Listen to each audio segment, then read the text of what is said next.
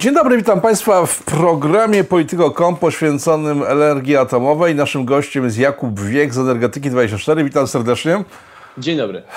Panie Jakubie, znowu wraca temat elektrowni atomowej w Polsce. Temat y, znany, budzący kontrowersje w określonych środowiskach, stary jak świat, przynajmniej Żarnowiec.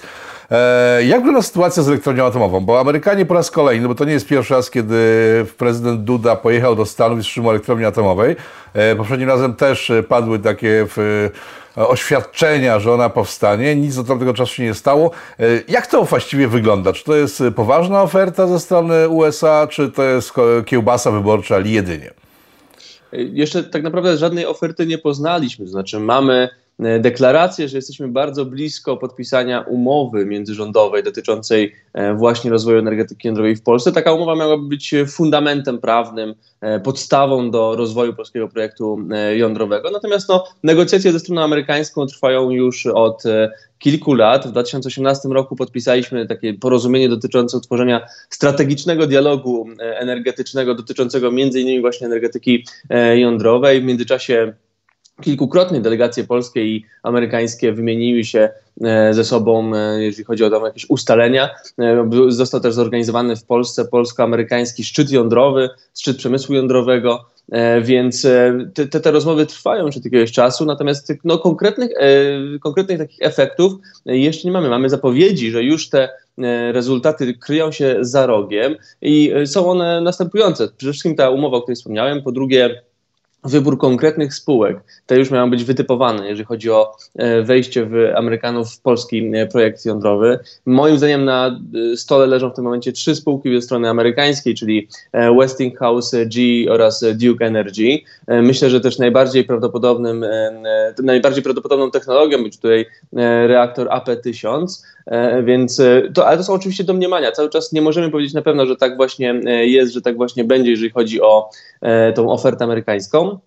To, co wiemy po tym szczycie, to jest to, że Amerykanie są zdecydowanie najbliżej e, wejścia w polski e, projekt jądrowy. Brakło czegoś takiego jak e, zmianki dotyczące finansowania, bo o tym mówiono przed spotkaniem Duda-Trump, że pojawią się oferty dotyczące właśnie możliwości kredytowania budowy elektrowni jądrowej w Polsce ze środków amerykańskich. Amerykanie w tym momencie pracują nad tym, żeby instrument, który mają, taka specjalna agencja umożliwiająca finansowanie projektów gospodarczych za granicami USA, mogła też e, inwestować w projekty jądrowe. To na razie nie jest prawnie możliwe, ale w kongresie już trwają prace nad tym, żeby, e, żeby to zmienić. Na razie cały czas czekamy. E, no, według zapowiedzi to wszystko ma się wydarzyć już niedługo. Tak samo już niedługo e, ma zostać zatwierdzona polska polityka energetyczna e, do roku 2040, gdzie atom odgrywa bardzo dużą rolę, więc e, no, czekamy cały czas na te decyzje, na wiążące oficjalne decyzje, bo ich jak na razie nie ma. Okej, okay, te pomysły, bo rozumiem z, z, tego, co Pan powiedział, że dużo się o tym mówi, ale nic się za dużo nie robi tak naprawdę. E, one wiszą w, po, w powietrzu. E, z rozmów, jakie w ostatnich dniach przeprowadziłem, wynika, że ta spółka, słynna spółka, którą stworzyła Platforma e, ileś tam lat temu, która pochłonęła 200 milionów za Platformy, wciąż funkcjonuje i ponoć oni nawet wytyczyli miejsca, w których możliwe, że te elektrownie powstaną. Także jakieś tam prace trwają, ale w sumie to jest dość tajemnicza spółka, bo ona nic nie komunikuje na zewnątrz. Wiadomo coś, co ona robi właściwie, czy to, czy to jest cisza jakaś e, totalna? E, spółka PGE EJ1, która została powołana do tego, żeby prowadzić polski e, projekt jądrowy, no w tym momencie cały czas przeprowadza głównie badania społeczne dotyczące poparcia dla elektrowni jądrowych w gminach lokalizacyjnych. Takie gminy są faktycznie wskazane i takie gminy e, są badane pod kątem właśnie nastrojów. E, mówimy głównie o Pomorzu, z tego co wiem. Mówimy o Pomorzu, mówimy o nadmorskich e, gminach, gdzie ta elektrownia miała być zlokalizowana. To jest dogodna lokalizacja głównie ze względu na zawartość wody morskiej dostępność wody morskiej, gdyż ona jest potrzebna do, do chłodzenia reaktorów. Natomiast w tym momencie nie mamy też e, oficjalnej decyzji co do lokalizacji, nie mamy badań lokalizacyjnych, więc e, też e, to są na razie potencjalne lokalizacje, nie wiemy, która z nich zwycięży. Natomiast biorąc pod uwagę słowa ministra Piotra Naimskiego, to do realizacji takiego projektu będzie powołana spółka celowa, więc można zastanawiać się, czy nie czeka nas powołanie nowej spółki, być może agregującej kapitały kilku podmiotów dostępnych na polskim rynku, gdyż jak stwierdził prezes PGE, pan Dąbrowski, a spółka PGE, EJ1 jest częścią grupy PGE, no sama polska grupa energetyczna nie udźwignie inwestycji w atom, więc prawdopodobnie będzie tutaj e, potrzeba jakichś e, partnerów. To jest w ogóle szersze pytanie o model finansowania, natomiast e, myślę, że można spodziewać się agregowania kapitału właśnie na poczet realizacji programu jądrowego, no ale trudno wskazać na razie konkretne podmioty, które miałyby się tym zająć. Okej, okay. ile elektrowni potrzebne jest w Polsce, atomowych elektrowni? E, tak naprawdę to w, można powiedzieć, że potrzebna jest tam e, jak największa liczba takich elektrowni, bo musimy e, zmieniać nasz miks energetyczny i odchodzić od węgla. Natomiast w polityce energetycznej Polski do 2040 roku w dokumencie wciąż nieoficjalnym przewidziano, że od 6 do 9 gigawatów w mocy zainstalowanych w atomie powstanie w Polsce, więc to można podzielić na dwie albo trzy elektrownie, zależnie od technologii i myślę, że tak to będzie się układało i że te, jeżeli przystąpimy na poważnie poważnie do realizacji programu jądrowego, to to się skończy na dwóch, e, trzech e, elektrowniach e, dysponujących łączną mocą właśnie od 6 do 9 gigawatów. I to by odpowiadało za mniej więcej 20% naszego miksu energetycznego w 2043 roku, więc atom pracowałby tu w podstawie, generując stabilne, duże ilości energii, tworzących taki, takie, można powiedzieć, jądro E, naszego, e, fundament naszego miksu e, energetycznego, umożliwiając w międzyczasie rozwój źródeł odnawialnych i zamykania starych elektrowni. No, z tego co powiedział wynika, że atom nie zastąpi w całości węgla. Węgiel zostaje w takim razie, bo fotowoltanika i wiatraki no chyba nie są najlepszym pomysłem, bo to pokazują Niemcy, że to jest strasznie niewydolny sposób uzyskiwania energii. Czyli co, atom, gaz, węgiel zostaje, czy odpada całkiem? E, jeżeli chodzi o to, co wiemy z polityki energetycznej Polski do 2040 roku, no to e, jej perspektywa nie e, zakreśla tutaj ścieżki całkowitego wyjścia z węgla. W, PEP 2040 węgiel cały czas pod koniec tej drogi transformacji jest. Oczywiście jest zastąpiony w dużej mierze przez właśnie energetykę jądrową, ale też duże ilości źródeł odnawialnych, przede wszystkim fotowoltaiki. I to właśnie to źródło E, jest e, największym e, źródłem mocowym, jeżeli chodzi o moce zainstalowane w Polsce według polityki energetycznej, oraz, oraz elektrowni wiatrowych na lądzie i przede wszystkim na morzu. Tam mają powstać duże farmy na Bałtyku. Czyli jednak.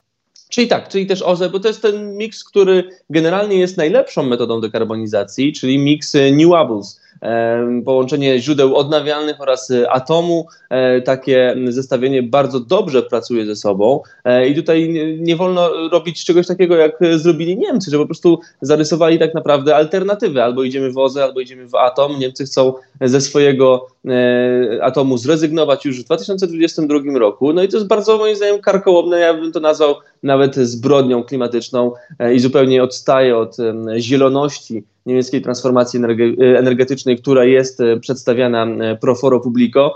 Czemu tak ostro pan mówi o Niemcach?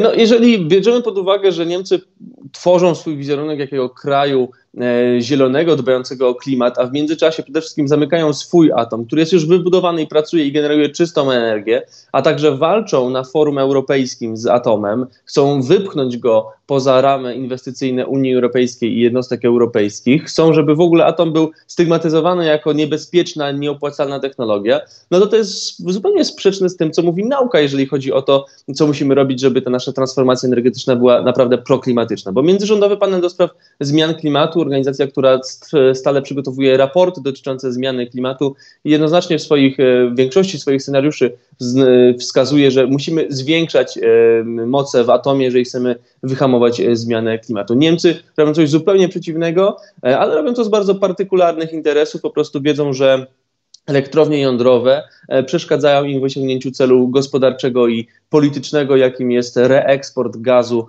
e, mającego być tłoczonym przez e, gazociąg Nord Stream 2 i tego, który już teraz jest tłoczony przez e, Nord Stream 1. Dla Niemiec po prostu walka z atomem to jest partykularny interes wzmacniający pozycję Berlina w Europie. I dlaczego, dlatego oni to robią? To jest zapisane wprost tak naprawdę w umowie koalicyjnej Hadeków z socjaldemokratami, gdzie twierdzą oni, wskazują oni, że chcą umiejscowić Energiewende, czyli tą transformację energetyczną na płaszczyźnie europejskiej, żeby zwiększyć swoje możliwości e, eksportowe. wygląda to, że to jest jawnie pokazane, o co w tym wszystkim chodzi. Mhm. Czyli w likwidacja atomu w krajach ościennych od Niemiec po prostu ma na celu tylko i wyłącznie to, żeby te kraje pobierały gaz E, od Niemiec i się uzależniał energetycznie. Jeżeli przy tym temacie jesteśmy, e, co z Nord Streamem 2? Bo on wygląda na to, że projekt stanął i chyba nie pójdzie do przodu przez najbliższe lata. E, tak, dzięki amerykańskim sankcjom nałożonym w grudniu E, ubiegłego roku, no Nord Stream, budowa Nord Stream 2 została storpedowana, to znaczy... Na parę kilometrów przed końcem, co jest zabawne. Tak jest, to jest, to jest bardzo zabawne, bo to jest naprawdę ostatnia prosta. Jeżeli chodzi o taki e, odcinek bezwzględny, to zostało 60 kilometrów do ułożenia, natomiast Nord Stream 2 składa się z dwóch rur, więc łącznie zostało około 150 e, kilometrów do, do ułożenia tego gazociągu, e, więc no to jest naprawdę bardzo niewiele i można powiedzieć, że no tuż przed y, sfinalizowaniem tej inwestycji Amerykanie weszli swoimi y, sankcjami i szwajcarska spółka Olsis, która układała ten gazociąg, e, przestraszyła się e, restrykcji ze strony Stanów Zjednoczonych i porzuciła budowę.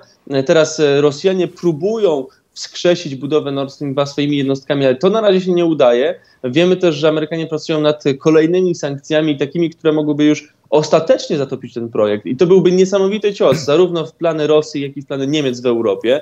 E, I e, co więcej, e, te amerykańskie sankcje są już tak zaawansowane, są projektem ponadpartyjnym, że już sam rząd w Berlinie, tak jak głoszą przecieki medialne, pracuje nad tym, żeby może zagregować siły Unii Europejskiej do wspólnej odpowiedzi na amerykańskie sankcje, żeby Unia e, tutaj e, wyszła z jakimiś e, retorsjami względem Stanów Zjednoczonych, no to było moim zdaniem katastrofalne dla relacji unijno-amerykańskich. Natomiast też warto brać pod uwagę, że w Unii Europejskiej istnieje bardzo duża opozycja względem projektu Nord Stream 2, do której zalicza się też Polska.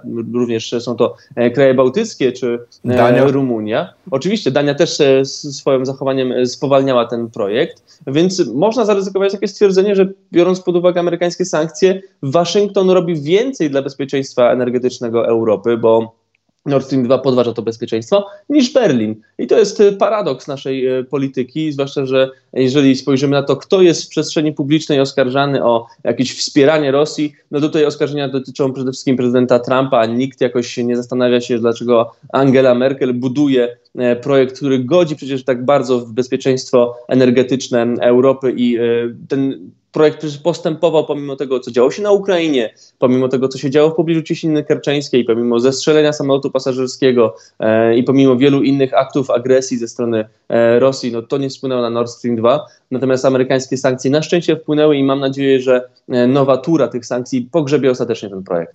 E, wspomniał Pan o Rumunii. Rumunia może odgrywać taką rolę jak Polska w nowej układance amerykańskiej, jeśli chodzi o dostarczanie energetyków, bo my jesteśmy tą e, końcówką od strony USA, a Rumunia e, zdaje się, że skończyła już połączenie z Azerbejdżanem. Dobrze mi się wydaje?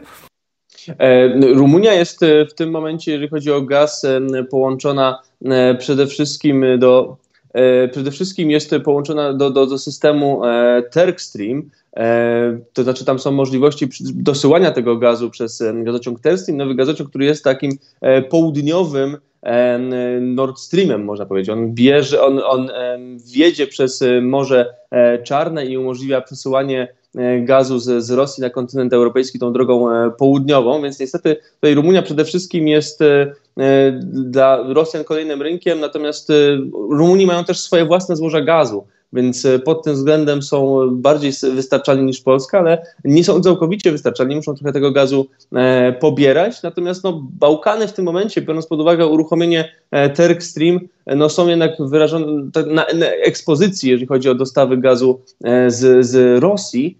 Więc tutaj przede wszystkim raczej chyba patrzymy, jeżeli chodzi o zdywersyfikowanie dostaw dla tego regionu, tutaj patrzymy na e, to, co się dzieje w inicjatywie Trójmorza i na plany Polski dotyczące Baltic Pipe i nowych terminali e, w Świnoujściu, w Świnoujściu rozbudowanego terminalu w Świnoujściu oraz pływające jednostki FSRU e, oraz plany dotyczące chorwackiego terminala na wyspie Ker, który, który też ma właśnie odbierać między innymi gaz ze Stanów Zjednoczonych, ale też z innych krajów, takich jak Katar czy cały ten rynek LNG, który jest bardzo duży. No jeszcze pojawia się Izrael i Grecja, które zaczynają pracę nad wydobyciem na Morzu Egejskim. One też przez Krky się łączyć z, Europą. Także wygląda na to, że Niemcom się spora konkurencja robi w czasie, kiedy mają kłopoty z Nord Streamem 2.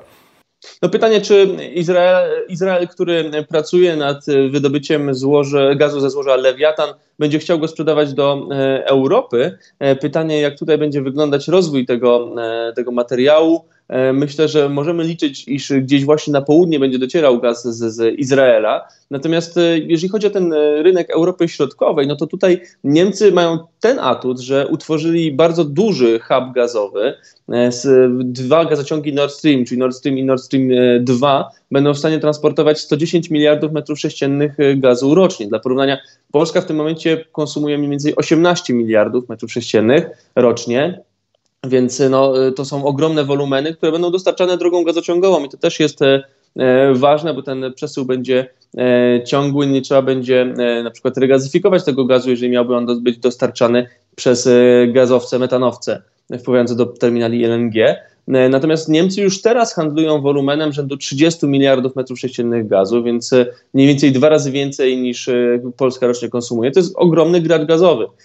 I, I, biorąc pod uwagę architekturę gazociągów, które biegną do Niemiec między innymi z Czech czy z Austrii, no to widać jednoznacznie, że one są tworzone po to, żeby ten gaz z Nord Stream 2 rozchodził się po Europie. On nie ma być spalany w Niemczech, on ma E, wpłynąć do wszystkich krajów, które powielą niemiecki model energetyczny, czyli e, rozwój źródeł odnawialnych opartych na stabilizowaniu gazem e, bez atomu. I to jest plan Niemiec. Oni chcą taki miks ukształtować w całej Europie, po to między innymi, żeby wspomagać swój eksport gazu. Na ile realnym jest, że Polska ma, stanie się konkurentem bezpośrednim Niemiec, jeśli chodzi o dystrybucję gazu w Europie? Bo plany polskie są dość, dość szerokie, nie są niestety wtłaczane w życie zbyt systematycznie, bo ciągle brakuje nam połączenia właśnie z Rumunią e, przez Słowację. Czy Polska ma szansę faktycznie stać się konkurentem Niemiec, jeśli chodzi o dystrybucję gazu? To jest, to jest pytanie. W zasadzie można powiedzieć, że te plany są bardzo realne, głównie ze względu na to, e, co się dzieje na Ukrainie, gdyż e, Ukraina od 2015 roku nie korzysta bezpośrednio z gazu z Rosji. Ona go kupuje na rynku europejskim. To jest oczywiście dalej gaz rosyjski, ale nie pochodzi bezpośrednio od Rosji, jest kupowany po cenach europejskich. No i niedawno e, wiceminister energetyki Ukrainy, pan Konstantyn Czyżyk, e, zapowiedział, że e, Ukraińcy będą chcieli współpracować z Amerykanami na polu dostaw LNG i tam w grę wchodzą duże wolumeny rzędu 6 do 8 miliardów metrów sześciennych gazu E, rocznie. Więc e, tutaj Polska wysuwa się jako naturalny szlak komunikacyjny i naturalne źródło dostaw tego gazu do, e, na, na Ukrainę. Więc odbierając ten surowiec na naszym wybrzeżu, moglibyśmy go słać na, na Ukrainę i dzięki temu redukować udział Gazpromu w rynku ukraińskim. Tak samo jesteśmy w stanie w tym momencie powiedzieć, że dzięki inicjatywie Trójmorza, jeżeli ona potoczy się tak, jak chcemy, jeżeli połączymy rynki e, środkowej Europy gazowe, to po pierwsze będziemy mieć e, niższą cenę gazu, bo to jest naturalny efekt łączenia, e, łączenia rynków, a po drugie będziemy mogli tłoczyć ten gaz, który będzie płynął do nas z chociażby Norwegii, ze sztelfu norweskiego, do krajów, które będą go potrzebowały i to też będzie redukowało udział rosyjskiego gazu. No być może, jeżeli sytuacja w Europie zmieni się tak, że rosyjski gaz będzie nieatrakcyjny z powodów bądź bądź to ekonomicznych, bądź to e, politycznych, to będziemy w stanie zbudować gazociąg e, Baltic Pipe 2, żeby zaspokoić zapotrzebowanie naszych sąsiadów na błękitne paliwo. No ale nie wybiegajmy może za bardzo w przyszłość, skupmy się najpierw na Baltic Pipe 1, no to jest teraz zbudowany. Natomiast e, oczywiście to te plany się jawią jako, jako kontra do planów niemieckich, natomiast jeżeli Niemcom się uda mimo wszystko zbudować Nord Stream 2, no to tutaj jednak oni będą dysponowali największym wolumenem e, gazu w, w Europie, jeżeli chodzi o te możliwości redystrybucyjne. No przypomnijmy, to jest 110 miliardów z dwóch nitek e, Nord Stream i Nord Stream 2. E, gazociąg Baltic Pipe to jest tylko 10 miliardów, więc te proporcje są zupełnie inne, zupełnie na korzyść Niemiec. Natomiast no, dla takich mniejszych krajów pokroju państw bałtyckich czy dla E, krajów typu e, Czechy, Słowacja, takie nawet niewielkie wolumeny gazu nierosyjskiego mogą być istotnym wzmocnieniem bezpieczeństwa energetycznego. A co z Białorusią? Bo kwietniu tego roku mamy czerwiec, było głośno po, o wizycie pana Pompeo na Białorusi, który w sumie zagrał rolę naszego ministra spraw zagranicznych e, i załatwił Polsce e, transport gazu i energetyków amerykańskich na Białoruś. Ten temat jakoś ucichł. To jest kontynuowane, czy to był chwilowy strzał na postraszenie Rosji? To jest kontynuowane. Pierwsza dostawa ropy naftowej, amerykańskiej ropy naftowej na Białoruś już dotarła do Ale nie przez rafinerii. Polskę. E, z pomocą polskiej spółki. Dotarła przez Kłajpedę, ale współpracowała przy tej dostawie polska spółka Unimot. E, ta, ta dostawa ropy była taką dostawą testową, to znaczy e, ona miała sprawdzić, jak białoruskie rafinerie właśnie w Mozyżu i Nowopołocku reagują na mieszankę ropy z amerykańskiej, gdyż w Europie Środkowej te rafinerie, które już działają, są dostosowane do pracy z ropą rosyjską, z ropą Ural. Tymczasem Amerykanie sprzedają E, inny sortyment e, ropy, więc z tego względu e, trzeba sprawdzić, czy takie instalacje są w stanie przerabiać nowy rodzaj surowca. Natomiast te, te, te rozmowy cały czas trwają i trwają też prace, którą mogą podnieść znaczenie Polski w tych kontaktach z Białorusią. Chodzi przede wszystkim o przestawienie rurociągu przyjaźń, rurociągu, którym odbieramy w tym momencie ropę z Rosji przez, biegnącego przez Białoruś, na, na możliwość właśnie symultanicznej pracy, która umożliwi jednocześnie pobieranie ropy ze wschodu i wysyłanie jej e, w tym kierunku z Polski, bo ta ropa mogłaby być wtedy amerykańska. Mamy działający naftoport, moglibyśmy pobierać e, ten surowiec i przesyłać go właśnie Białorusinom. To byłoby dla Mińska bardzo potrzebne właśnie w tym e, kontekście sporu politycznego z Rosjanami.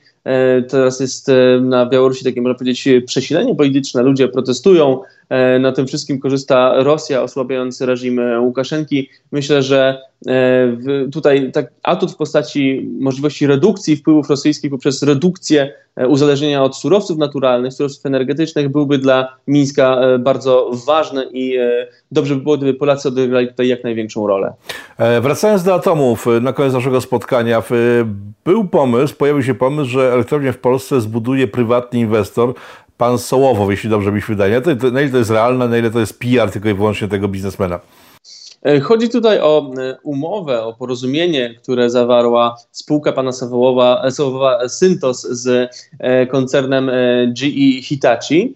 I to porozumienie zakładało badanie możliwości wdrożenia technologii małych reaktorów jądrowych w Polsce. Chodzi o reaktory typu SMR, to jest, chodziło tam o e, konkretną jednostkę typu BWRX, e, więc to byłyby małe jednostki zdolne do zasilania e, niewielkich części kraju, głównie na przykład zakładów produkcyjnych, ewentualnie małych osiedli.